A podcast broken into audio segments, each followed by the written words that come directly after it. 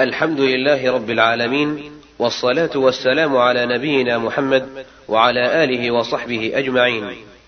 يسر إخوانكم في المكتبة السمعية بوقف السلام الخيري أن يقدم لكم المجموعة الأولى من سلسلة الدروس العلمية لكبار العلماء، ومن دروس هذه السلسلة المباركة كتاب التوحيد لشيخ الإسلام محمد بن عبد الوهاب رحمه الله. شرح سماحة شيخ العلامة عبد الله بن حميد رحمه الله الشريط الحادي والثلاثون. هذا هو شأن القرن وشأن أهل القرن الأول. كأبي بكر وعمر وعثمان وعلي ومن بعدهم أيضا. فإنهم فتحوا البلاد وأخضعوا الأمم واتسعت الممالك الإسلامية وعلموا الناس الدين ودخلوا بهذا الدين. بعد وفاته صلى الله عليه وسلم وما جرى للصحابة وحروبهم وكتاباتهم للأمم أمر معلوم معروف ولهذا جاء في هذا الحديث خير أمتي قرني فإنهم لا يجاهدون للدنيا ولا يطلبونها بل لأجل أن تكون كلمة الله هي العليا ودينه هو الظاهر. وأخبارهم في هذا معروفة مشهورة. ثم قال الرسول خير أمتي قرني ثم الذين يلونهم أي القرن الثاني بعد انقراض الأول. فإن الإسلام لا يزال طريا لأن التابعين تعلموا العلم من الصحابة واقتدوا بهم والإسلام ظاهر والأمانة موجودة والدين قائم. وإن وجد شيء من البدع كبدعة الخوارج وبدعة الروابط لكنهم ذليلون. والمسلمون يردون عليهم ويخفضون شوكتهم كما هو معروف. ثم بعدكم قرن ثالث لأن امرأ شك قال لا أدري. أذكر بعد قرنه مرتين أو ثلاثة ومعلوم أنه قالها ثلاثة كما في حديث ابن مسعود وغيره والقرن الثالث أيضا ظهرت فيه بدعة الجميع وبدعة المعتزلة وتفرق الناس لكن هناك علماء يردون هذه الأباطيل ويبينون زيدها وغلطها ويوضحون للناس معالم الحق. وسنن الطريق. وإن كانت موجودة كما هو معروف. ثم في القرن الرابع قال إن بعدكم قوما يشهدون ولا يستشهدون لأنهم بعدوا عن عهد النبوة ولم يأخذوا عن الصحابة ولا عن من أخذ عن الصحابة ولا عن بعدهم بل كثرت الدنيا واشتغلوا بها. إن بعدكم قوما يشهدون ولا يستشهدون لضعف الأمانة وقلة الديانة بل يأتي ويشهد قبل أن يسأل تلك الشهادة. وقد يكون فيها محقا وقد يكون فيها مبطلا. فلا ينبغي أن تشهد إلا إذا طلبت منك الشهادة. وقبل أن تطلب لا ينبغي لكن يرد على هذا الحديث الآخر. وهو قول النبي صلى الله عليه وسلم ألا أخبركم بخير الشهداء ومن يأتي, يأتي بها قبل أن يسألها. فالحديث هذا دل على أن أداء الشهادة قبل أن تطلب منه وقبل أن يسأل إياها أنها من الخير ومن أجل الطاعات وفي هذا الحديث ذم من أدى الشهادة قبل أن تطلب منه.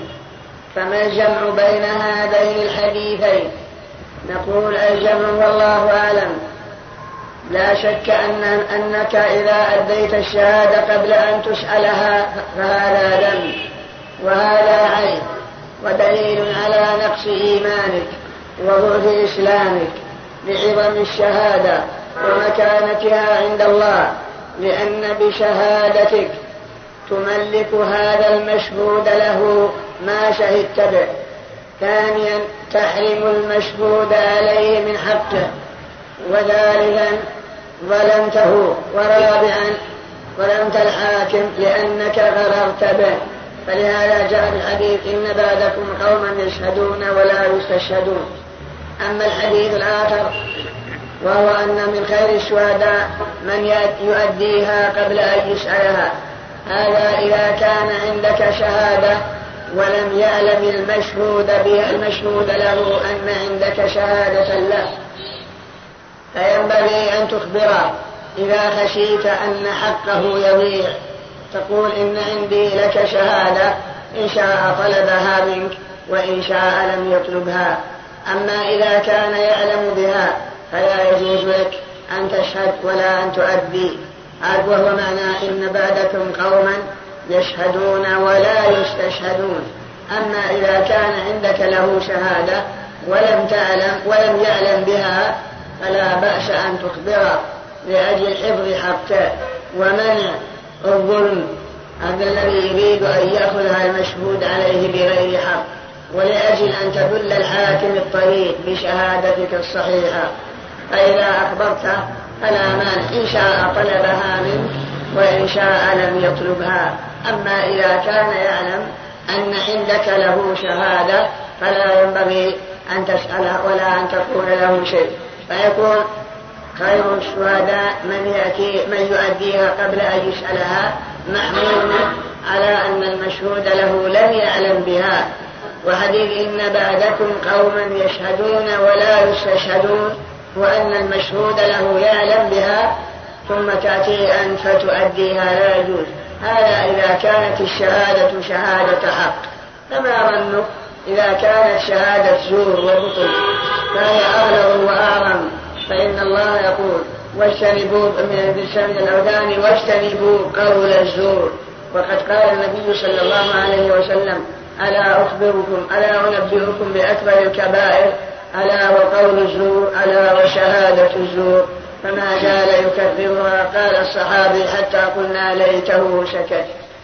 ثم إن بعدكم قوما يشهدون ولا يستشهدون وينذرون ولا يوفون لأنهم لا يبالون بالواجب في ذممهم. ينذر النذر ومع هذا لا يؤديه لضعف إيمانه ولعدم مبالاته. بما كان هو واجب في ذمته ويظهر فيهم الشمل لميولهم إلى شهواتهم ومذولاتهم ما كان يهمه إلا ما يتناول مما يؤدي إلى كثرة الشحم واللحم في جسمه بسبب مأكولاته لأنه لا يهمه إلا ما يدخله في بطنه. لقلة دينه وضعف إسلامه وقلة أمانته وضعف إيمانه فهذه من علامات الشر والبلاء ظهور ذلك في هذه الأمة. وفي حديث ابن مسعود خير الناس قرني ثم الذين يلونهم ثم الذين يلونهم. هذا مرة ثم إن يجيء قوم تسبق شهادة أحدهم يمينه ويمينه شهادته أو تسبق شهادة أحدهم يمينه أنه يحلف ويشهد غير مبال بعظم الشهادة ولا بالمشهود به ولا بالمشهود عليه ولا غير مبال بالله. فإنه لم يحاسب ولم يعلم أن الله سيحاسبه وبأي شيء قطع هذا المسلم من حقه. بسبب شهادته الفاجرة الماكرة أو أنه يحلف على كذب وبطل كما قال النبي صلى الله عليه وسلم من حلف على يمين من حلف يمينا يقتطع بها مال امرئ مسلم لقي الله وهو عليه غضبان. لأنه لا يبالي بل إذا جاء عند الحاكم حلف بالله وهو يعلم أنه فاجر في يمينه. كاذب في يمينه. هذا شأن هذه الأمة لبعد عهدها بنبيها ولضعف الإسلام في قلوبهم ولكل قلة الديانة وضعف الأمانة. كما هو معلوم فالدنيا عندهم هي أحب شيء. عندما تأمر وتنهى تجده كسلان لا يبالي وعند تحصيل القرش كالحية الرقطاء لا يبالي. بل ومجد ومجتهد يسعى لها في طلبها يبذل في تحصيل الدنيا كل غال وركيس من شهادة فاجرة ويمين كاذبة وإلى غير ذلك. وجاء عن إبراهيم النخعي صاحب عبد الله بن مسعود قال كانوا أي السلف يضربوننا على الشهادة والعهد ونحن صغار انظر إلى ما كان عليه سلفنا الصالح من تربيتهم لأولادهم عندما يسمعون الصغير يحلف يضربونه منعا له عن اليمين إكبارا لله في قلبه وتعظيما لليمين في قلبه من أجل أن ينشأ نشأة طيبة ويتربى تربية صالحة. أو سمعوه يشهد فإنهم يغلبونه وإن كانت يمينه لا تنعقد وشهادته لا تقبل لكن كل هذا من باب التربية والتمرين له على الخير وتعليمه ما ينفعه ونهيه عما لا ينفعه. هذا معنى قول إبراهيم كانوا يضربوننا على الشهادة والعهد ونحن صغار هذا من أعظم التربية للصغار. فإن الإنسان إذا لم يتربى بالتربية الدينية ولم يكن في قلبه تعظيما لله ولا توقيرا له فإن الموت خير له من حياته حتى ولو كان يحمل شهادة جامعية على ما قيل ماجستير أو دكتوراه أو ما أشبه ذلك. وماذا ينتفع؟ وماذا ينتفع بعلوم أناس ساءت أحوالهم؟ وفسدت أخلاقهم وقوي عامل الشر في نفوسهم. فلا بارك الله فيهم ولا في علومهم. ما داموا على هذه الحالة متنكرين لدينهم غير مبالين بتعظيم الله. يقدمون على فعل المحرم تاركين لما أوجب الله عليهم. يفتخرون بما تحملوه. أو حملوه من شهادة بأنه تخرج في الجامعة الفلانية أو يحمل شهادة كذا وكذا. فإذا كان التعليم لا يورث المتعلم الخشية الإلهية ولم يقده إلى الأعمال الصالحة ولم يعرفه بربه ولا بمصالح دينه ودنياه وأخرى فالجهل خير له والموت خير له من حياته. هذا معنى ما جاء ما كان السلف يعاملون به صغارهم كما في هذا الأثر عن إبراهيم. قال كانوا يضربوننا على الشهادة والعهد ونحن صغار. ويشهد له قوله صلى الله عليه وسلم مروا أبناءكم بالصلاة لسبع واضربوهم عليها لعشر. وإن كان ابن عشر لا تجب عليه الصلاة. وابن سبع لا تجب عليه باتفاق المسلمين ولكن كل هذا من باب التمرين له على الخير وتربيته التربية الصالحة. مروا أبناءكم بالصلاة لسبع واضربوهم عليها لعشر وفرقوا بينهم في المضاجع إلى غير ذلك. والله أعلم. أما الآن فنترككم مع مجلس آخر من هذا الشرح. باب ما جاء في ذمة الله وذمة نبيه وقوله تعالى وأوفوا بعهد الله إذا عاهدتم ولا تنقضوا الأيمان بعد توكيدها. الآية وعن بريدة قال كان رسول الله صلى الله عليه وسلم إذا أمر أميرا على جيش أو سرية أوصاه بتقوى الله وبمن معه من المسلمين خيرا فقال اغزوا بسم الله في سبيل الله. قاتلوا من كفر بالله. اغزوا ولا تغلوا ولا تغدروا ولا تمثلوا ولا تقتلوا وليدا. وإذا لقيت عدوك من المشركين فادعوهم إلى ثلاث خصال أو خلال. فأيتهن ما أجابوك فاقبل منهم وكف عنهم. ثم ادعوهم إلى الإسلام. فإن أجابوك فاقبل منهم. ثم ادعوهم إلى التحول من دارهم إلى دار المهاجرين. وأخبرهم أنهم إن فعلوا ذلك فلهم ما للمهاجرين وعليهم ما على المهاجرين.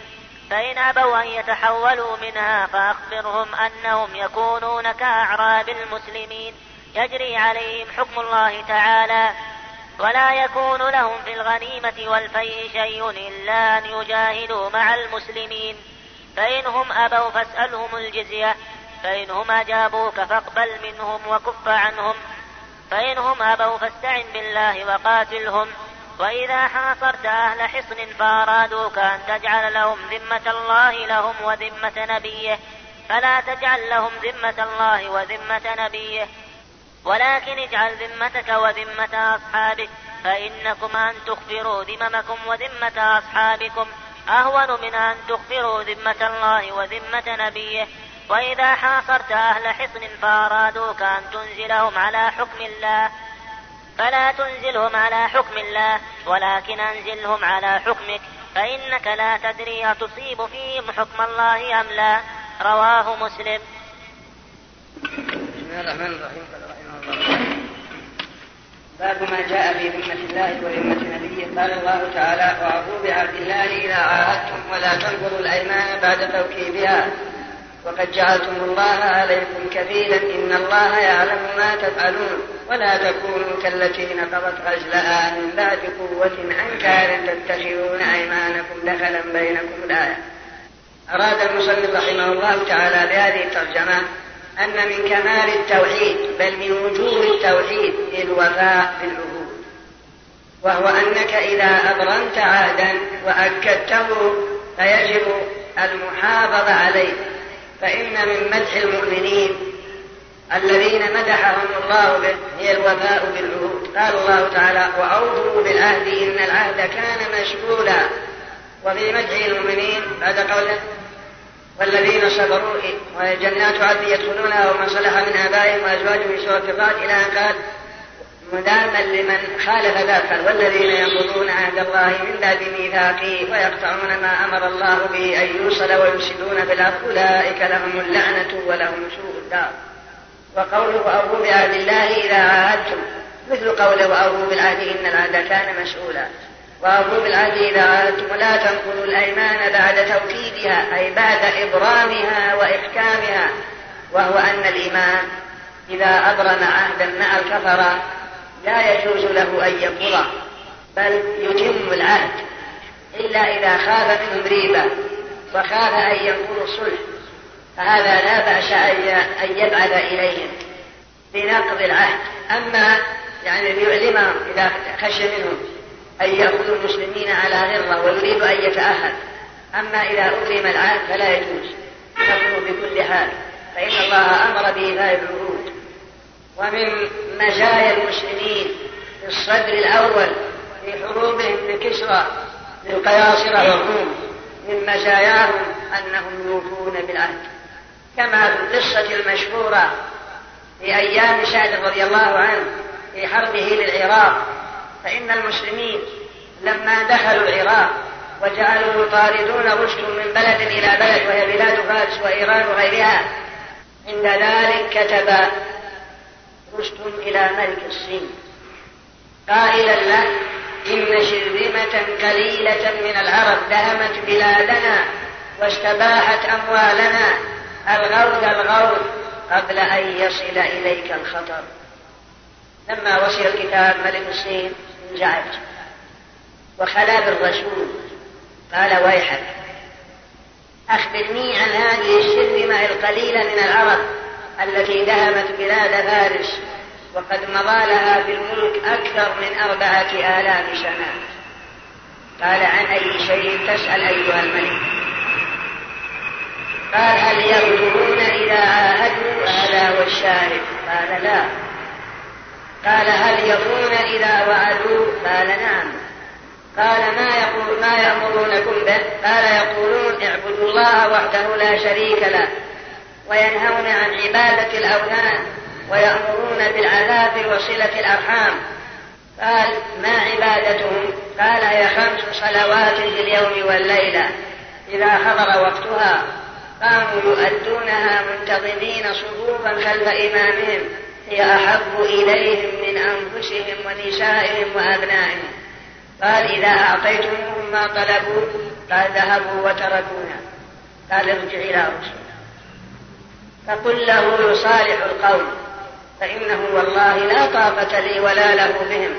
والله لو حاربوا الجبال لزحزحوها من أمكنتها. ما داموا على هذه الحال. فوفاء العهود من مكارم الأخلاق.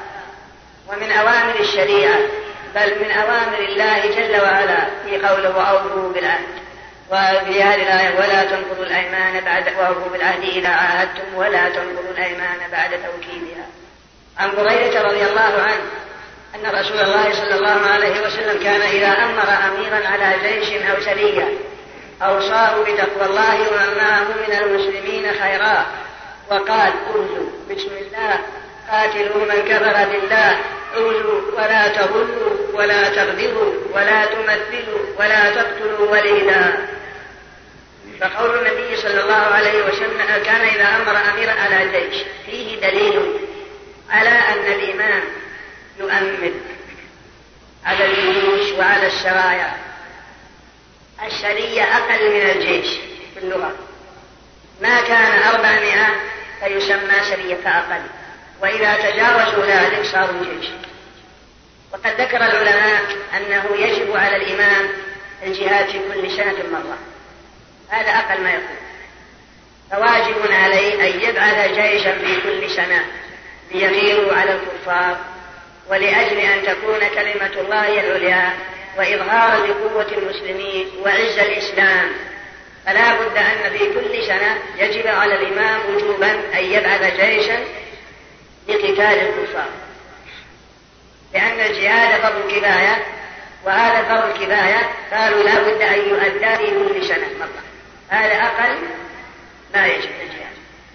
إلا إذا كان في المسلمين ضعف ولم يستطيعوا ولا قدرة لهم على عدوهم فهذا لا مانع من تأجيله حتى يستطيعوا. لكن لا يجوز له أن يعادي الكفار أكثر من سنة. إذا كان فيهم قدرة. وأما إذا لم يكن قدرة جازت المهادنة إلى نحو عشر سنين. على تفصيل مذكور في كتب أهل العلم؟ كان إذا رأى أميرا على جيش أو سرية أوصاه بتقوى الله. هذا يدل على أن الإمام يوصي أمراءه بتقوى الله. وتقوى الله هو أن تجعل من طاعة الله وقاية لك من معصيته. هذا هو المعنى. يعني تحترز بطاعة الله عن ارتكاب معاصيه وهي كلمة جامعة لخصال الخير كله. فهو وصية الله للأولين والآخرين. ولقد وصينا الذين أوتوا الكتاب من قبلكم وإياكم أن اتقوا الله. فاتقوا الله ما استطعتم إلى غير ذلك. وحقيقة التقوى امتثال أوامره واجتناب نواهيه. أوصاه وأمنعه من المسلمين خيرات. أوصاه بتقوى الله. وأمنعه يعني يصيب بتقوى الله فيما بينه وبين ربه بامتثال أوامره واجتناب نواهيه ويوصي بتقوى الله في من معه من المسلمين بأن يرفق بهم ويخفض جناحه لهم ويحرص على دفع الشرور عنهم ويبعث العلوم لأجل التعرف عن حالة العدو وأن لا يوقع المسلمين في المعاقب والمهالك. أو ينزلهم أمام أعدائهم منزلا لا يصلح لهم. لم يكن به ماء أو لم يكن به مجال للقتال. وما أشبه ذلك. هذا معنى ومن معه من المسلمين خيرا قوله انزلوا بسم الله يعني اشرعوا في الغزو في قتال الكفار لأجل أن تكون كلمة الله هي العليا. ودينه الله بسم الله. يعني مستعينين بالله يعني اشرعوا في الغزو في قتال الكفار. مستعينين بالله معتمدين عليه فنعم المولى ونعم النصير. خذوا بسم الله قاتلوا من كفر بالله. يعني العلة في قتالهم هو الكفر. ليس السبب في قتالهم طلب الأموال وليس السبب في قتالهم هو السيطرة والهيمنة عليهم وعلى بلادهم بل المسبب لقتالهم هو كفرهم بالله. ففي الحديث دليل لمن قال إن الكفار يقاتلون بكفرهم لا لدفع شرهم فالمسألة خلافية فبعض من الناس يرى أن قتال الكفار لدفع شرهم والقول الصحيح الذي عليه المحققون أن قتالهم لكفرهم كما يفيده هذا الحديث وكما يدل عليه القرآن العزيز فإن قلت إيش الفرق بين قتالهم بكفرهم أو قتالهم بدفع شرهم؟ ما فائدة الخلاف في ذلك؟ نقول لك فائدة الخلاف من قال إنهم يقاتلون لكفرهم فنحن نرجو نقاتل ببلادهم حتى يكون الدين كله لله. ومن قال إنهم يقاتلون لدفع شرهم فلنترك كل الله ينجون في بلادهم إن غزونا في بلادنا فنحن نقاتلهم. وإن سكتوا عنا فنحن لا نقاتل أحد هذا قول من قال إنهم يقاتلون لدفع شرهم مثلا نحن في المملكة السعودية؟ من قال إننا نقاتل بدفع شرهم ينجون بحدودنا ويريدون الاستيلاء على خيراتنا وعلى بلادنا فنحن نقاتلهم وإذا تركونا ولم يتعرضوا لنا ولا لمصالحنا بشيء فإننا نتوب. أما من قال إنهم يقاتلون لكفرهم يقول ما داموا كفار فليقاتلوا ولو مجهول حتى يؤمنوا بالله وحده. بدليل هذا الحديث قاتلوا من كفر فالسبب المسبب لقتلهم هو الكفر. لا أنهم جاءونا غزوا الرسول في بلادنا. ويدل قوله تعالى يا أيها النبي جاهد الكفار والمنافقين واغلب عليهم. وقول يا أيها الذين آمنوا قاتلوا الذين يلونكم من الكفار وليجدوا فيكم غلظة وقول اقتلوا المشركين حيث وجدتموهم وخذوهم واحشروهم واخرجوا لهم كل مقصد. فإن تابوا وأقاموا الصلاة وآتوا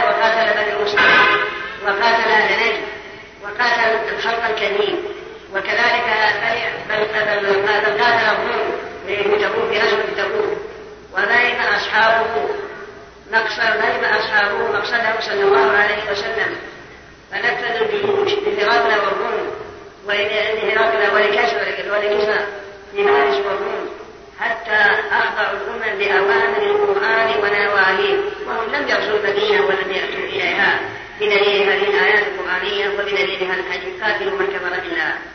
أما الأصليون اليوم كمحمد رشيد رضا محمد عبده وطبقته فهم يرون أنهم يقاتلون دفاعا يعني لدفع شرهم. وإلى هذا ذهب كثير من العلم قبلهم كما أشار إليه النووي في فقه مسلم وغيره ولكن الصواب أنهم يقاتلون لكفرهم. كما قرر شيخ الإسلام ابن تيمية وابن القيم وهو المعروف عند أئمة هذه الدعوة وهو الذي تدل له نصوص الكتاب والسنة. قاتلوا من كفر بالله. ولا تغلوا الغلول والأخذ من الغنيمة قبل قسمتها. كما لو قاتل الكفار وجمعنا الغنائم لو سرقت من شيء هذا هو الغلول بأن يأخذ منها قبل قسمتها هذا لا يجوز وحرام أن يغل ما كان الدين أن يغل ومن يغل يأتي بما غل يوم القيامة لأن حق المسلمين مشتركون في هذه الغنيمة المجاهدون وغير المجاهدين لأن الخمس وجه كما هو معروف واعلموا أن ما غنمتم فأنكم واعلموا أن ما غنمتم من شيء فإن فإن لله خمسا وللرسول ولذي القربى واليتامى والمساكين والمسلمين فخمس الخمس هذا مسلم واعلموا أن ما غنمتم من شيء فأن لله خمسه وللرسول ولذي القربى واليتامى والمساكين والمسلمين فلو مثلا أخذت من الغنيمة شيء قبل قسمتها وترك ماذا تعمل؟ هل مالك معين؟ ما له مالك معين سئل سالم بن عبد الله بن عمر. سأله رجل قال إني أخذت غلولا من الله وأعلم أنه توب أنه تاب وقال هذا المبلغ الذي أخذته. فأمره أن يتصدق به لأنه مشترك لجميع المسلمين ولا وليس له مالك معين حتى يوصله إليه. وكذلك قاله معاوية رضي الله عنه. كما أشار إليه هذا الكريم في تفسيره وأشار إليه العلامة ابن القيم خذوا ولا تغلوا ولا تغدروا هذا الشاهد ولا تغدروا أي لا تنقضوا العهد إياك والغدر بأن تعطيهم عهدا ثم تأخذهم على غلظة بل لا يجوز لك بل أوفي بالعهد وإن كان الذي عاهدته كفار. فالحافظ على كيف أعطيت العهد بالله؟ الله أجل وأعظم من أن تعطي به عهدا عهدك خذوا ولا تغلوا ولا ولا تمثلوا ولا تقتلوا غليلا قل ولا تمثلوا. يعني أن المسلمين عندما يقاتلون الكفار ويقتلون منهم لا يجوز لهم أن يمثلوا. كقطع عند الكافر أو أذنه أو شفتة. هذا كتب لا يجوز أن تمثل. ولا تقتلوا وليدا. يعني إذا قاتلنا الكفار ودخلنا بلادهم لا يجوز لنا أن نقتل الأطفال ولا أن نقتل النساء ولا أن نقتل الصبيان الذين هم دون البلوغ لأنهم ليسوا مقاتلة ولا أن نقتل الشيوخ البالين المسلمين ولا الرهبان الذين في الصوامع لأنهم لم يحملوا علينا سلاحا ولم يقتلونا. ولا رجل الأعمال إلا أن يكون له رأي وتدبير بالحرب ويحسن أن يوجه فهذا يقتل سواء كان شيخ أو أنا أو غيره. لأن رأيه أبلغ من سلاحه كما قال المتنبي يقول المتنبي الرأي قبل شجاعة الشجعان هو الأول وهي المحل الثاني. إلى أن قال ولربما طعن الفتى أقرانه بالرأي قبل تطارم الأقران.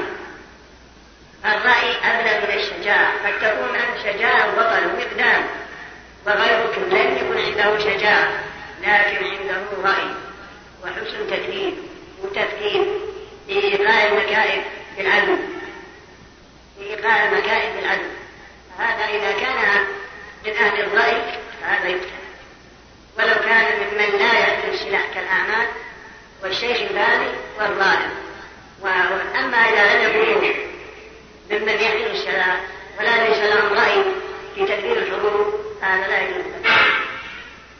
وإذا لقيت عدوك من المشركين فادعهم إلى ثلاث خصال أو خلال فأيتهن ما أجابوك.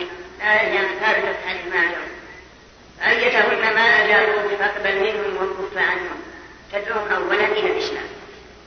يعني إذا حاصرت بلاد الكفر فأول شيء تبدأ به تدعوهم إلى الإسلام. لأن ديدان الجهاد والغرض منه هو أن يدخلوا في هذا الدين الإسلامي. هذا هو المقصود. فإذا دخلوا في الدين الإسلامي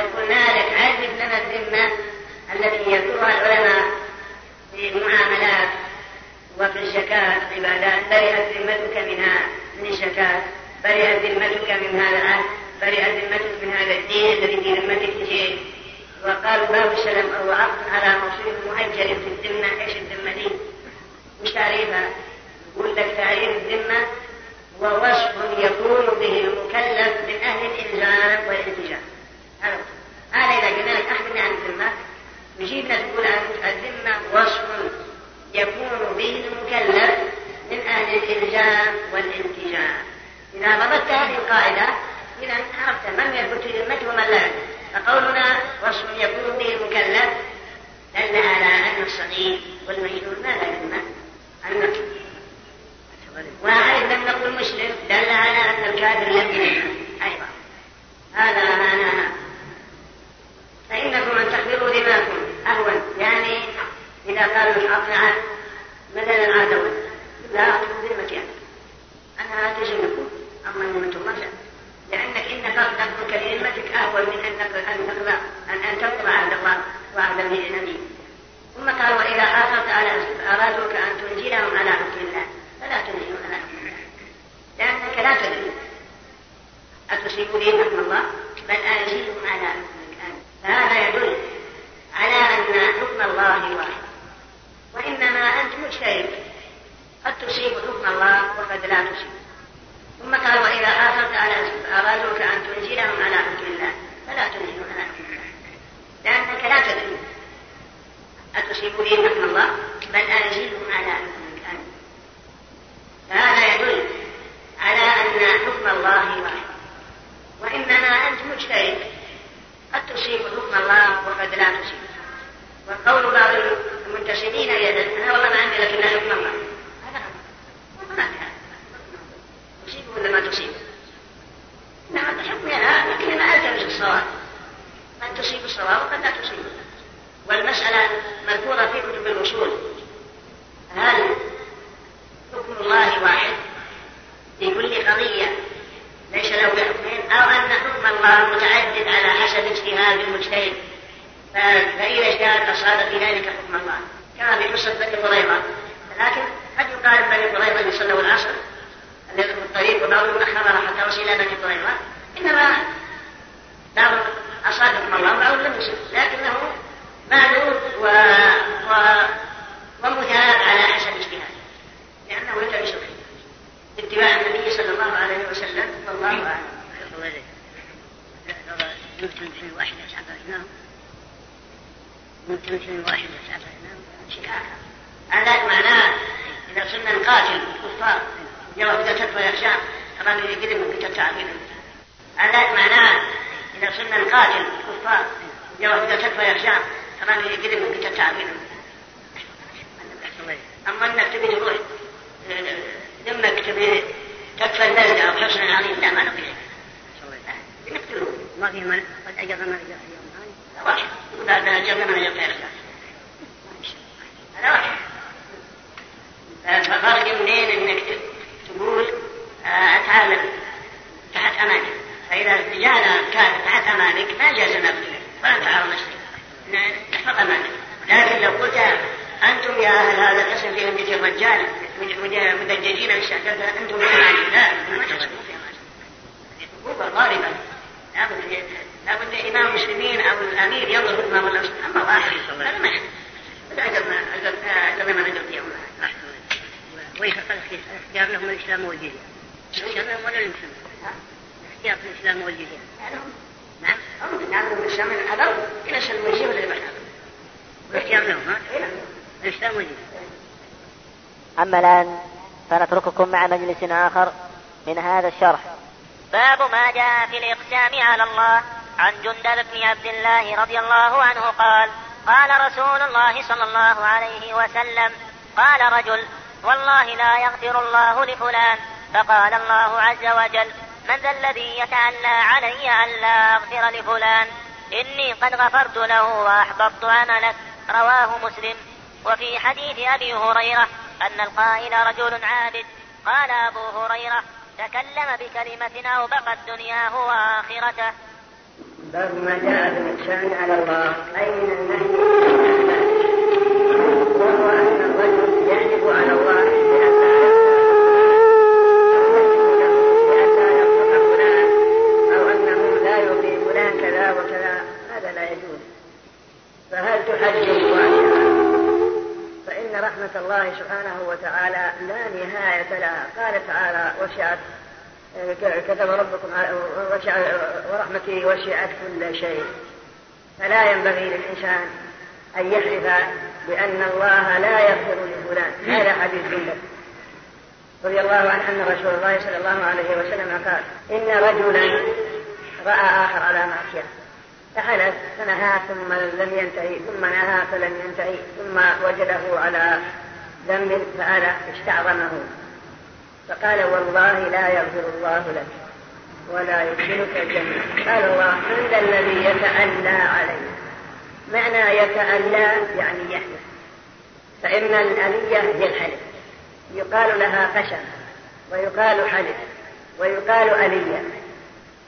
وهي إنها المقصودة في كتب أهل العلم كتاب كتاب الإيلاء والإيلاء هي اليمين. قال كثير عزة قليل الألايا حافظ ليمينه. قليل الألايا يعني الأيمان حافظ ليمينه. إذا صدرت قال من ذا الذي يتألى علي ألا أغفر لفلان؟ إني قد غفرت له وأحببت عملك. هذا يدل على أن الإنسان عليه أن يحفظ لسانه بأن لا يطلقه محالفا على الله أو غير ذلك مما لا يجوز له فعله. هذا الرجل تكلم بكلمة كما قاله أبو هريرة أوبقت دنياه أي أهلكت عليه دنياه وأفسدت عليه آخرته. كله بسبب اللسان. فعلى الإنسان أن يلاحظ لسانه وأن لا يطلقه فيما لا يجوز له لا من جهة الله ولا من جهة الآدميين. كما في حديث وهل يكب الناس في النار على وجوههم؟ أو قال على مناخرهم إلا حصائد ألسنتهم. فاللسان هو الكلب العقول اللسان هو الكلب العقول تكلم في أعراض الناس وتأكل لحومهم. وربما تكلم الإنسان بكلمة كفر تخرجه عن دائرة الإسلام أو بكلمة تفسد عليه دنياه وآخرته كما في قصة هذا الرجل. كيف يقول والله لا يغفر الله لك؟ والله يقول قل يا عبادي الذين أشرفوا على أنفسهم لا تقنطوا من رحمة الله. إن الله يغفر الذنوب جميعا إنه هو الغفور الرحيم. وأنيبوا إلى ربكم وأسلموا له من قبل أن يأتيكم العذاب ثم, ثم لا تنصرون كل هذا يدل على أن الإنسان لا ييأس من رحمة الله. واليأس من رحمة الله معلوم أنه من كبائر الذنوب. فلا يجوز. ومن يقنط من رحمة ربه إلا الضالون. لا سيما والإنسان يحلف على الله بأن لا يدخله الجنة أو أن لا يرزقه أو أن يفعل به كذا وكذا. فهل خزائن السماوات والأرض بيدك وهل الجنة بيدك؟ فهذا لا يجوز. بل ادعو الله له فإن رحمة الله واسعة وهو الذي يهدي القلب جل وعلا.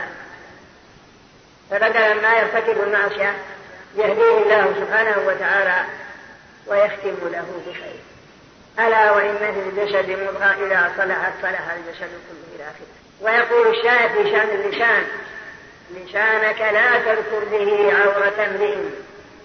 لسانك لا تذكر به عورة امرئ فكلك عورات وللناس ألسنة فكما كنت تذكر تتكلم في حق الناس شخص فإن فيك من العيوب ما هو أكثر.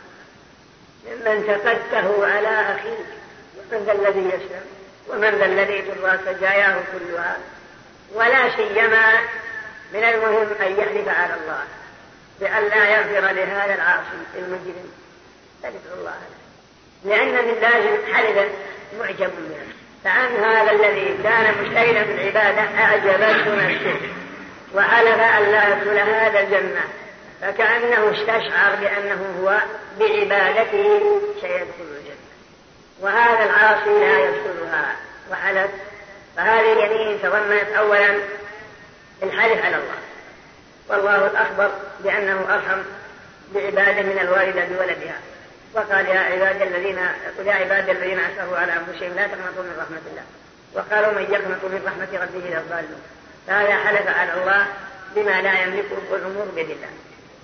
ثانيا حكم عليه بأن لا يدخل الجنة هذا العاصي ثالثا في يمينه ما يشعر بأن الحالف معجب بنفسه وأنه لم يقصر بل أدى ما عليه مرتكبا مبتعدا عن المعصية وأن من عباداته هي التي تدخل الجنة ناشا نعم الله عليه. فإن عباداته كلها لو قوبلت بنعمة واحدة من نعم الله عليه لكانت بقية النعم لم يكن لها مقابل من تلك العبادات. بقي سؤال. نعرف أن من حلف على الله لا يجوز وأن الله يقول من ذا الذي يتألى عليه. والترجمة باب ما جاء في الإقسام على الله أي الحلف على الله بأن لا يدخل هذا الجنة أو أن الله لا يغفر لفلان أو أن الله لا يرزقه. وأن من تكلم بمثل هذه الكلمة هي كلمة توبق على الإنسان دنياه وآخرته. وأن عاقبة تلك الكلمة أن دخل صاحبها النار والمحلوب عليه بأن لا يدخل الجنة دخل الجنة.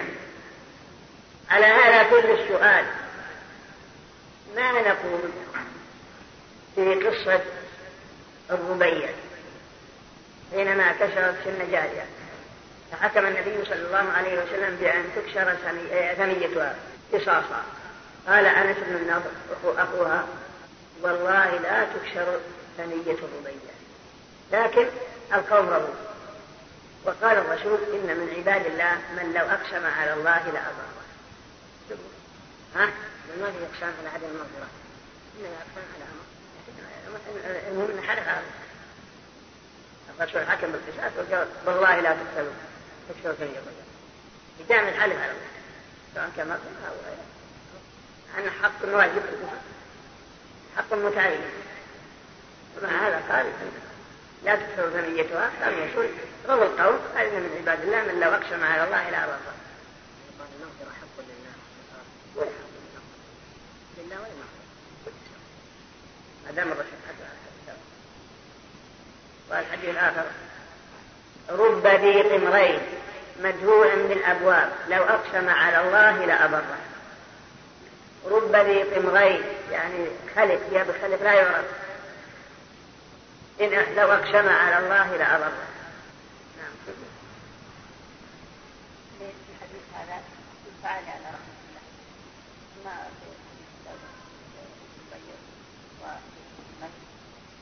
داخل في رجاء رحمة الله هذا في التعليم وهذا في رجاء المغفرة الكلام. هذا الكلام. على حق الله عموم حديث من لو أقسم على قل بديق الغيب مدفوع بالابواب لو أقسم على الله لابر هذا الفلاح بلغ الدرجه ولا يقسم على الله. ما يقسم على الله. نص الغيب لأن لا يغفر ما في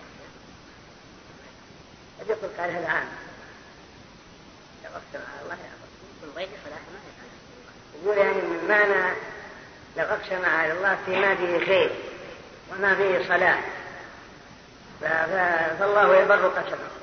أما لو أقسم على الله فيما لا مصلحة فيه ولا خير فيه للعباد فهذا لا كما في قصة الذي سأل قال من الذي سأل عليه. فرقا بين الأمرين من أقسم على الله في طلب خير ومصلحة ومنفعة وفرقا بين ما أراد نفي الرحمة ونفي المغفرة ونفي إدخال الجنة لأن رحمة الله واسعة.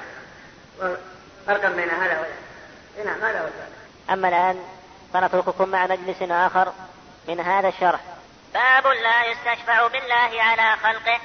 عن جبير بن مطعم رضي الله عنه قال جاء أعرابي إلى النبي صلى الله عليه وسلم قال يا رسول الله نهكت الأنفس. وجاع العيال وهلكت الأموال. فاستسق لنا ربك فإنا نستشفع بالله عليك وبك على الله. فقال النبي صلى الله عليه وسلم سبحان الله سبحان الله. فما زال يسبح حتى عرف ذلك في وجوه أصحابه. ثم قال ويحك تدري ما الله؟ إن شأن الله أعظم من ذلك. إنه لا يستشفع بالله على أحد. وذكر الحديث رواه أبو داود. باب لا يستشفع بالله على خلقه عن جبير بن رضي الله عنه قال جاء أعرابي إلى رسول الله صلى الله عليه وسلم فقال يا رسول الله هلكت الأموال وانقطعت السبل وجاء العيال. فإما نستسقي لنا ربك فإنا نستشفع بالله عليك. وبك على الله. فعظم النبي صلى الله عليه وسلم ربه مذكرا لما قاله هذا الأعرابي قائلا ويحك. سبحان الله سبحان الله ما أعظم شأن؟ ويحك. إن شأن الله أعظم من ذلك. ثم أخبر صلى الله عليه وسلم بأن الله أجل بأن الله أجل وأعظم من أن يستشفع به على أحد من خلقه. لا على محمد ولا على غيره. ثم بين عظمة خالق خالق خالقه وبارئه بأنه على عرشه جل وعلا وأن العرش كما يتضح براكب إلى الحديث. أولا قوله جاء أعرابي الأعرابي هو ساكن البادية والذي من عادته لم يعرف شيئا بل هو على فطرته ولهذا كان الصحابة يحبون الأعراب إذا قدموا يسألون النبي صلى الله عليه وسلم من أجل أن يستفيدوا والحديث تضمن ثلاث مسائل. المسألة الأولى استشفاع الله على خلق بخلقه وأنك تستشفع بالله بمعنى تتقرب إليه إلى المسعود أو إلى غيره. هذا لا شك أنه منكر وأن الله أجل وأعظم من أن تشفع من أن تستشفع بالله على أحد. فإن جميع المخلوقين محتاجون إلى الله فقراء إليه. يا أيها الناس وأنتم الفقراء إلى الله فالله هو الغني الحميد. فلا يليق بالله أن تكون أن يكون الله شفيعا لك عند هذا السلطان أو عند هذا النبي أو عند هذا الملك المقرب أو غيره من المخلوقين. بل من من اللائق أن يكون أنك تطلب من الله أن يشفع لك عند شيء.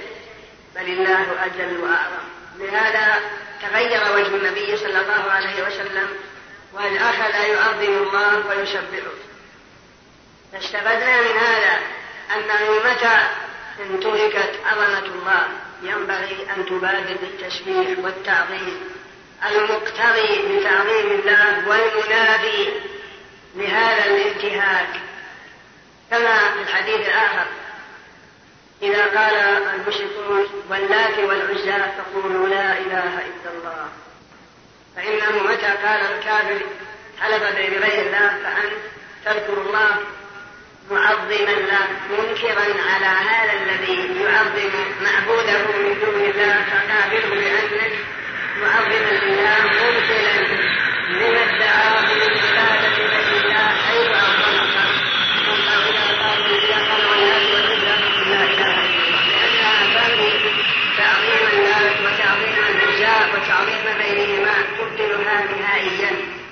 لقولك في قولك لا إله إلا الله. فكذلك هنا المسألة الثانية قولك فإنا نستشفع بك على الله أي تستشفع بالمخلوق على الخالق. هذا لا بأس به. إذا كان الاستشفاع من حي بمعنى أنه يشفع لك بمعنى يدعو لك. لأن الشفاعة يطلق ويراد بها الدعاء. كما لو قلت لك يا أخي ادعو الله لي فأنا طلبت منك أن تشفع لي عند الله بدعائك. أي الرجل إذا كان حيا صالحا من أهل التقى والخير فلا مانع من أن تقول لا ادعو الله لي. وهذا الطلب الذي طلبته منه هو أنك تطلب من أن يشفع لك عند الله بدعائك. هذا لا بأس به. كما قال عمر رضي الله عنه الذي ودع يريد الحج. قال يا أخي لا تنسانا من صالح دعائك. بعدما قال أستودع الله دينك وأمانتك وزودك من التقوى ومن العمل ما يرضى. قال لا تنسانا يا أخي من صالح دعائك. هذا لا مانع. وهو أنك تطلب من هذا الرجل الصالح أن يدعو الله لك. هذا معنى الاستشفاء بالمخلوق على الله. بمعنى تطلب أنه يدعو لك. الثانية طلب الاستشفاء من الأموات والغائبين هذا هو الشرك بعينه. لا يجوز لك أن تطلب من الميت أن يدعو لك ولا أن تطلب من الميت أن يشفع لك عند الله. فإن الشفاعة ملك لله سبحانه وتعالى وهذا ميت قد انقطع عمله. بل نحن الذي نشفع له. ألا ترى ما جاء في صحيح مسلم من حديث ابن عباس رضي الله عنه؟ أن رسول الله صلى الله عليه وسلم قال ما من مسلم يموت. فيقوم على جنازته أربعون رجلا لا يشركون بالله شيئا إلا شفعهم الله فيه. فأخبر الرسول بأن دعاءنا لهذا الميت الذي نقوم نصلي عليه أنها شفاعة منا لهذا الميت لدى الله. نطلب من الله أن يغفر له. فنحن نشفع له عند الله. فكيف نعكس القضية ونطلب من الميت أن يشفع لنا؟ كما عليه أكثر الناس في غير هذه البلاد يبنون الأبنية على القبور ويطلبون منها من الميت المدد وتفريج الكربات وقضاء الحاجات ويصفون للميت ما هو حق لله سبحانه وتعالى بزعمهم أنه واسطة بينهم وبين الله. وبزعمهم أنه يشفع لك عند الله وهذا هو عين البطلان. فنحن الذين نشفع له ما دمنا أحياء. كما في هذا الحديث ما من مسلم يموت ويقوم على جنازته أربعون رجلا لا يشركون بالله شيئا إلا شفعهم الله به. وقول وقيامنا للصلاة عليه وقولنا اللهم اغفر له وارحمه وعافه وأعف عنه. هذه شفاعة منا له عند الله بدعائنا. هذا لا بأس به. وهو دعاء الحاضر الحي للميت أو للحاضر الحي. أما العكس طلب الشفاعة من الأموات والغائبين بحجة أنهم بسطاء هذا هو عين الشرك بعينه.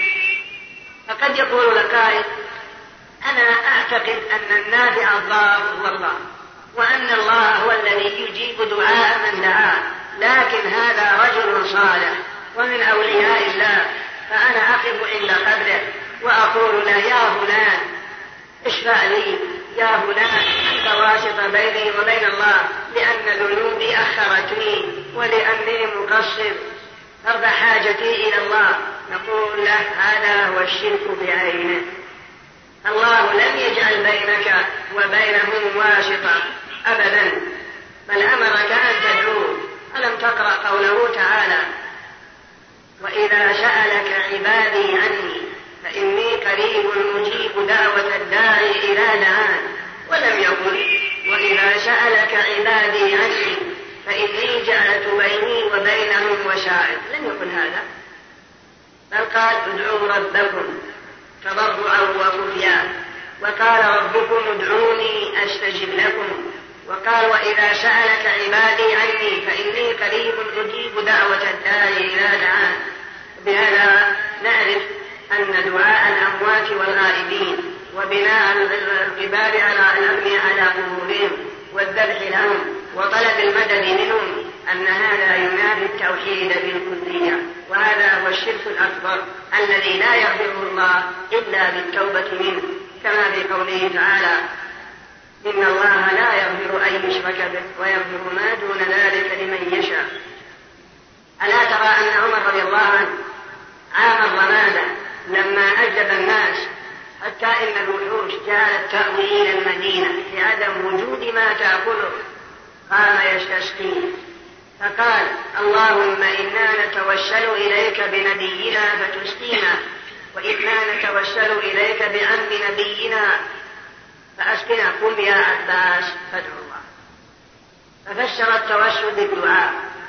وهل لو كان التوسل بالميت جائز هل, يمكن هل كيف عمر يعدل عن سيد الخلق إلى العباس لو كان جائز لذهب إلى قبره وقال يا رسول الله نتوسل بك إلى الله بأن يضيفنا وأن يسقينا وأن وأن هذا ما جاء.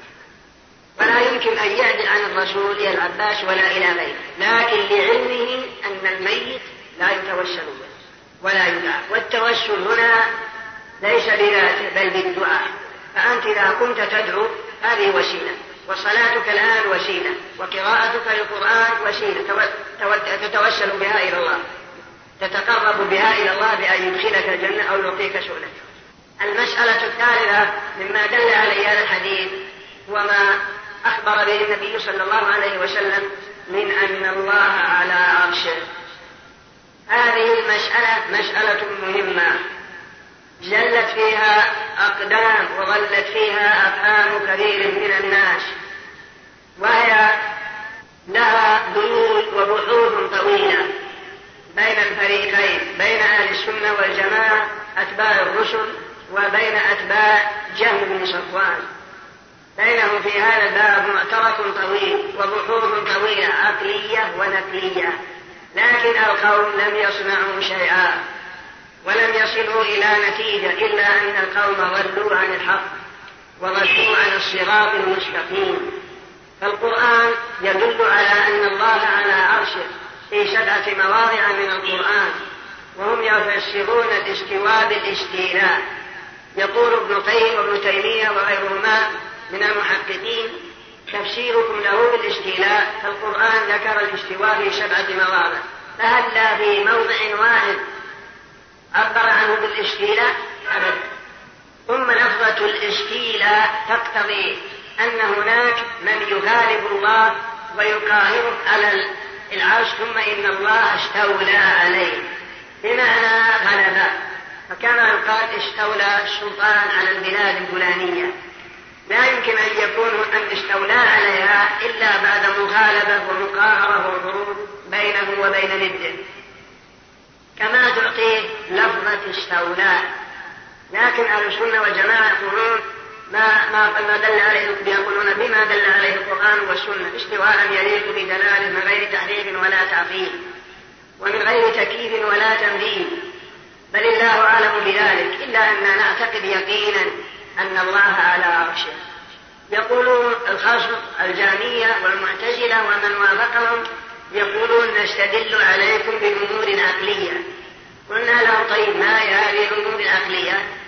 قالوا إذا أثبتتم أن الله على عرشه لو كان مرب... لو كان العرش مربعا كان الله مربع باستوائه عليه أو كان العرش مثلثا لزمكم أن يكون مثلثا. أو كان العرش واسع لزمكم أن الله يكون واسع. وإن كان ضيق لزمكم أن يكون الله ضيق. أو يكون أيضا لم يستوي عليه بل صار هناك زائد من الله على العرش. أو هناك شعر من العرش زيادة على الله. فيلزمكم كجلوس المخلوق على سريره. فتارة يكون السرير مربع جلسة مربعة أو مثلثة أو يكون الكشف يكون أكبر منك أكثر منك أو يكون أقل منك.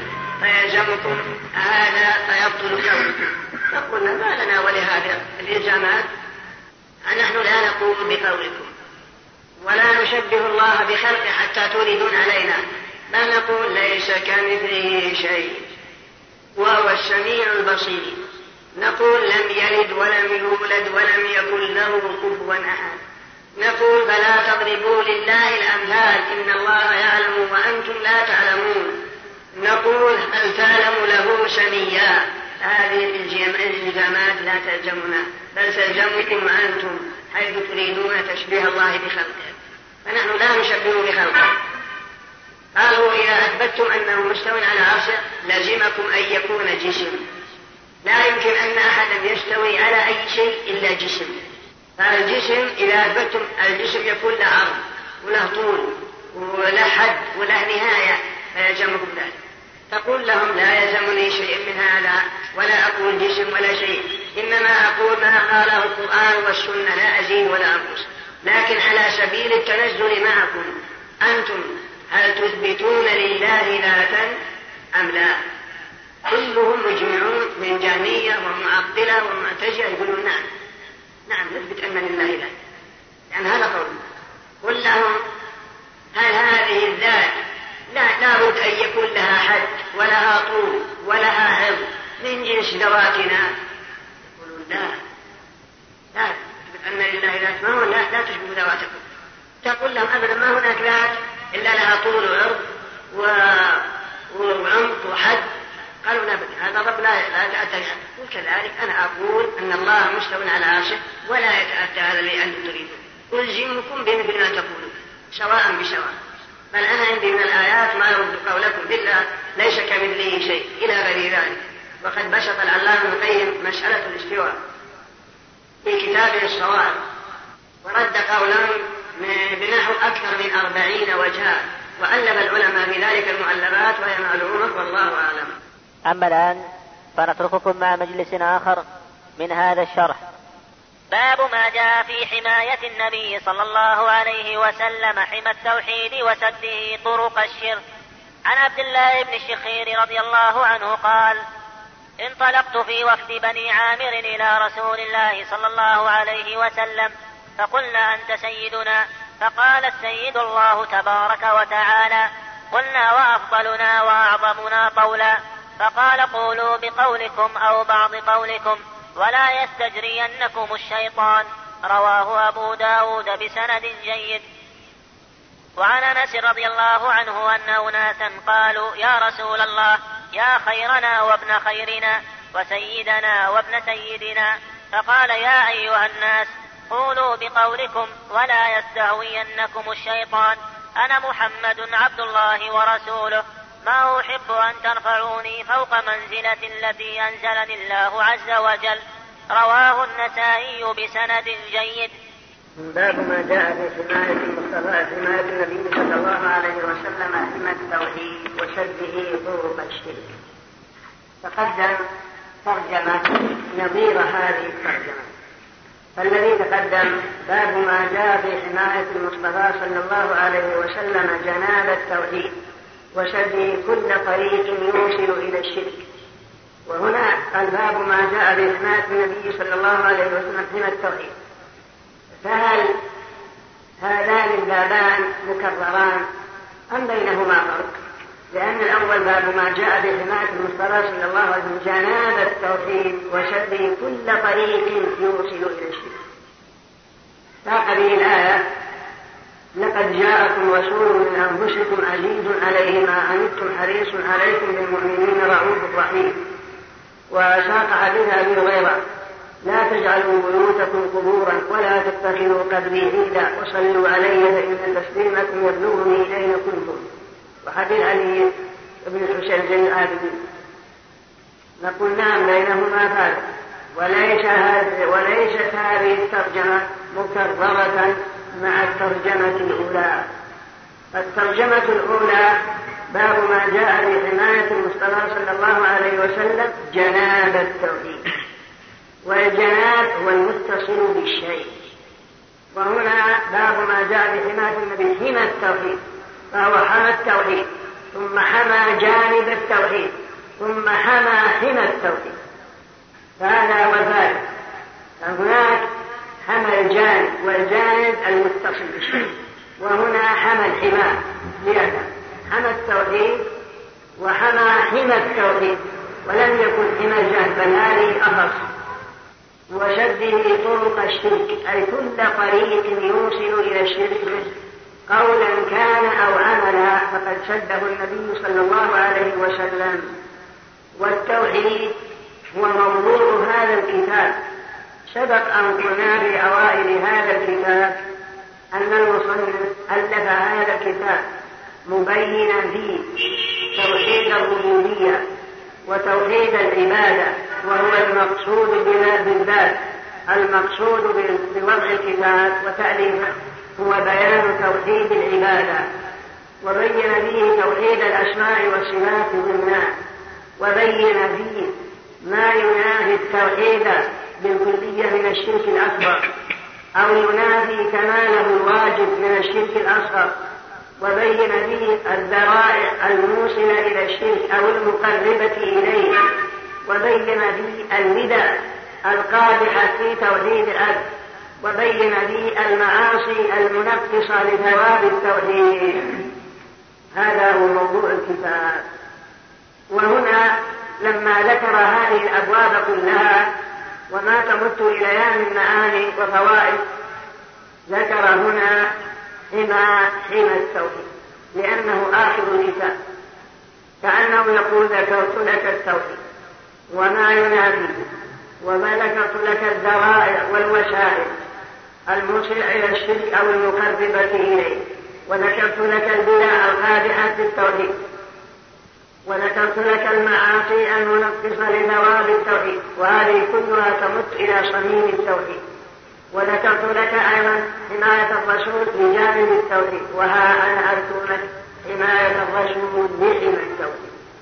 هذا هو موضوع هذا الباب وشد كل كل طريق أو كل وسيلة أو كل ذريعة تقرب إلى الشرك أو توصل إليه من قريب أو بعيد. قولا كان أو عملا عن عبد الله بن شخير رضي الله عنه قال انطلق وفد بني عامر إلى رسول الله صلى الله عليه وسلم فقالوا أنت سيدنا وابن سيدنا وخيرنا وابن خيرنا. قال يا أيها الناس قولوا بقولكم أو بعض قولكم. السيد الله تبارك وتعالى. قولوا بقولكم أو بعض قولكم. ولا يستجرينكم الشيطان. يعني لا يتدرج بكم الشيطان قليلا قليلا في المدح حتى يوقعكم بالشرك إنما أنا عبد تقول عبد الله ورسوله أي أن وظيفتي ومنزلتي هي العبودية. لست لكم شيء. هذا هو المعنى. ولا شك أنه شيء. هو سيدنا وهو سيد الخلق أجمعين.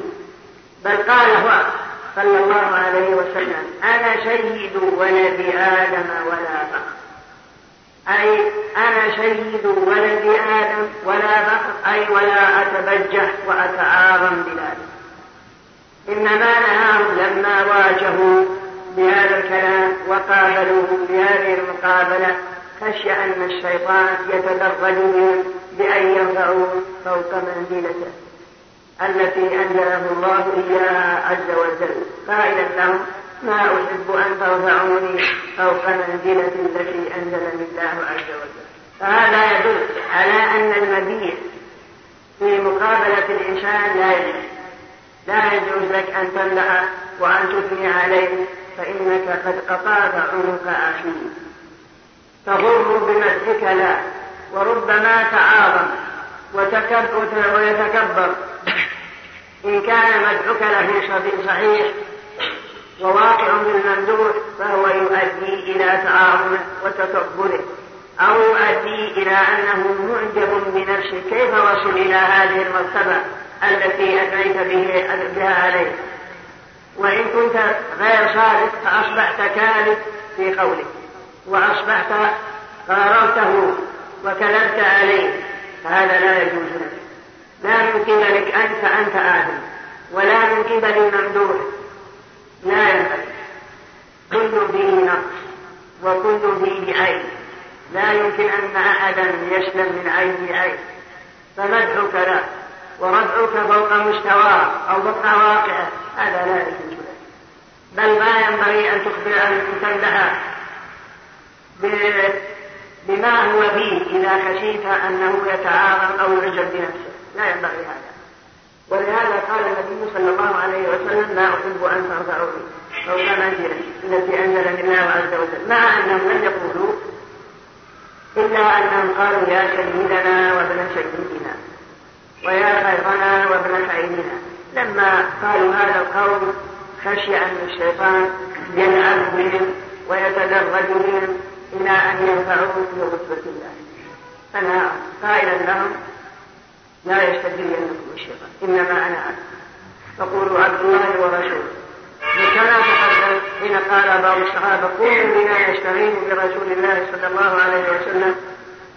من هذا المنافق قال إنه لا يستغاث بي وإنما يستغاث بالله مع أنه لا بأس بالاستغاثة به. لا شك أنه جائز. الاستغاثة بالحي الحاضر القادر على أن يريد من استغاث به. لا ما في معنى فهو مستغاث به من أجل وهو قادر على أن يطرد هذا المنافق. أو يؤذيه أو يبعده أو ما أشبه ذلك. لكن تأدبا مع جناب الربوبية قال إنه لا يستغاث به وإلا لو قلت لك أرثني يا فلان أرثني من هذا الشر وبيدك البندقية إذا اشتغلت بعين حاضر قادر على أن يريدك مما أنت به. أما الاشتغال بالغائبين أو بالأموات هذا لا يجوز. والجواز دل عليه قوله تعالى فاستغاثه الذي من شيعته على الذي من عدوه فهو كشفه موسى كما في قصة المعمر في القرآن. وكل هذا حماية للتوحيد ولجانب التوحيد ولحماية التوحيد. فلا يجوز للإنسان أن يمدح ويثني على الإنسان على شخص آخر بما يؤدي إلى تعاون. وأشرف مقامات الرسول هي العبودية. فإن الله سبحانه وتعالى نوه بفضل الرسول وبمقامه بالعبودية القرآن. قال تعالى بمقام إنزال القرآن الذي هو أشرف كتاب أنزل على النبي قال وإن كنتم في ريب مما نزلنا على عبدنا. فأتوا بسورة وفي مقام الإسراء سبحان الذي أسرى بعبده ليلا من المسجد الحرام. الحمد لله الذي أنزل على عبده الكتاب. تبارك الذي نزل الفرقان على عبده. أليس الله بكامل عبده؟ فأوحى إلى عبده ما أوحى إلى غير ذلك من الآيات فهذه أشهر مقامات صلى الله عليه وسلم كما في هذا الحديث. إنما أنا عبد. وكما تقدم في حديث عمر لا تقول إنما أنا عبد فقولوا عبد الله ورسوله. فوازن بين قول الرسول لا يستجزينكم الشيطان. لما قالوا له يا سيدنا. وبين قوله البوصيري وأمثاله. في البردة حيث يقول يا أكرم الخلق ما لي من ألوم به. سواك عند حلول الحادث العالمي إيش أي الطويل إلى أن قال إن لم تكن في معادي آخذا بيدي فضلا وإلا فقل يا شلة القدم. فوازن بين قول الرسول لا يستجزينكم الشيطان. لما قالوا له يا سيدنا. وبين قول البوصيري وأمثاله في البردة حيث يقول يا أكرم الخلق ما لي من ألوم به. سواك عند حلول الحادث العالمي العالمي إيش أي الطويل. إلى أن قال إن لم تكن في معادي آخذا بيدي فضلا وإلا فقل يا شلة القدم. وقال فإن من جودك الدنيا وضرتها طيب مش من رب العالمين ومن علومك علم اللوح والقلم. إن لم تكن في معادي آخذا بيدي فضلا وإلا فقل يا جنة القدم ثم جعل الدنيا والآخرة كلها من جود النبي. مش بقي لله؟ وأي شرك أعظم من هذا؟ وهذا هو الذي نهى عن الرسول بقوله لا يستهزينكم الشيطان. لا تطروني كما أطرت النصارى ابن مريم. إنما أنا وكيف قول لا تقولوا ما شاء الله وشاء محمد ولكن قولوا ما شاء الله وحده. ولما قال رجل ما شاء الله وشئت. لا مشيئة. قال أجعلتني لله ندا بل ما شاء الله وحده. فوازن بين هذا كله وبين قوله البوصيري وأمثاله حيث يستجيب الرسول ويطلب من الرسول ويسلب ما هو حق لله إلى الرسول. وقال فإن من جودك الدنيا فإن من جودك الدنيا وضرتها ومن علومك علم اللوح والقلم. يعني علم الرسول شامل لما في اللوح وعلم القلم وكل شيء والدنيا والآخرة كلها بيده. نسي هذا الشاهد قوله تعالى يوم لا تملك نفس لنفس شيئا والأمر يومئذ لله. نسي. ما معنى هذه يوم لا تملك نفس لنفس شيئا شيئا نكر في سياق النفي لا يملك أحد شيئا بالكلية والأمر يومئذ لله. كأن البوصيري وأمثاله يقول لا بل الدنيا والآخرة هي من جودك بالتبعيد بل ومن علومك علم اللوح والقلم. وهو يقول قل لا أملك لنفسي نفعا ولا ضرا إلا ما شاء الله. ولو كنت أعلم الغيب لاستكثرت من الخير وما مسني السوء إن أنا إلا نبي وبشير لقوم يؤمنون. وعقب الله عليه لما قال كيف يؤمن قوم شركوا نبيهم أنزل الله ليس لك من الأمر ليس لك من الأمر شيء. الأمر بيد الله سبحانه وتعالى. الرسول لا شك هو أشرف الخلق على الإطلاق لكن لا يجوز تسويته بالله أو صرف شيء من حق الله لا لا يجوز. بقي موضوع السيد هل يجوز أن تقول يا سيدي فلان سيدي مثلا فلان على قول مولانا أو سيدي فلان. وختاما تقبلوا تحيات إخوانكم في وقف السلام الخيري رقم الهاتف هو اثنان صفر تسعة صفر اثنان صفر تسعة. رقم الناسوخ هو اثنان صفر تسعة اثنان صفر تسعة اثنان. والسلام عليكم ورحمة الله وبركاته.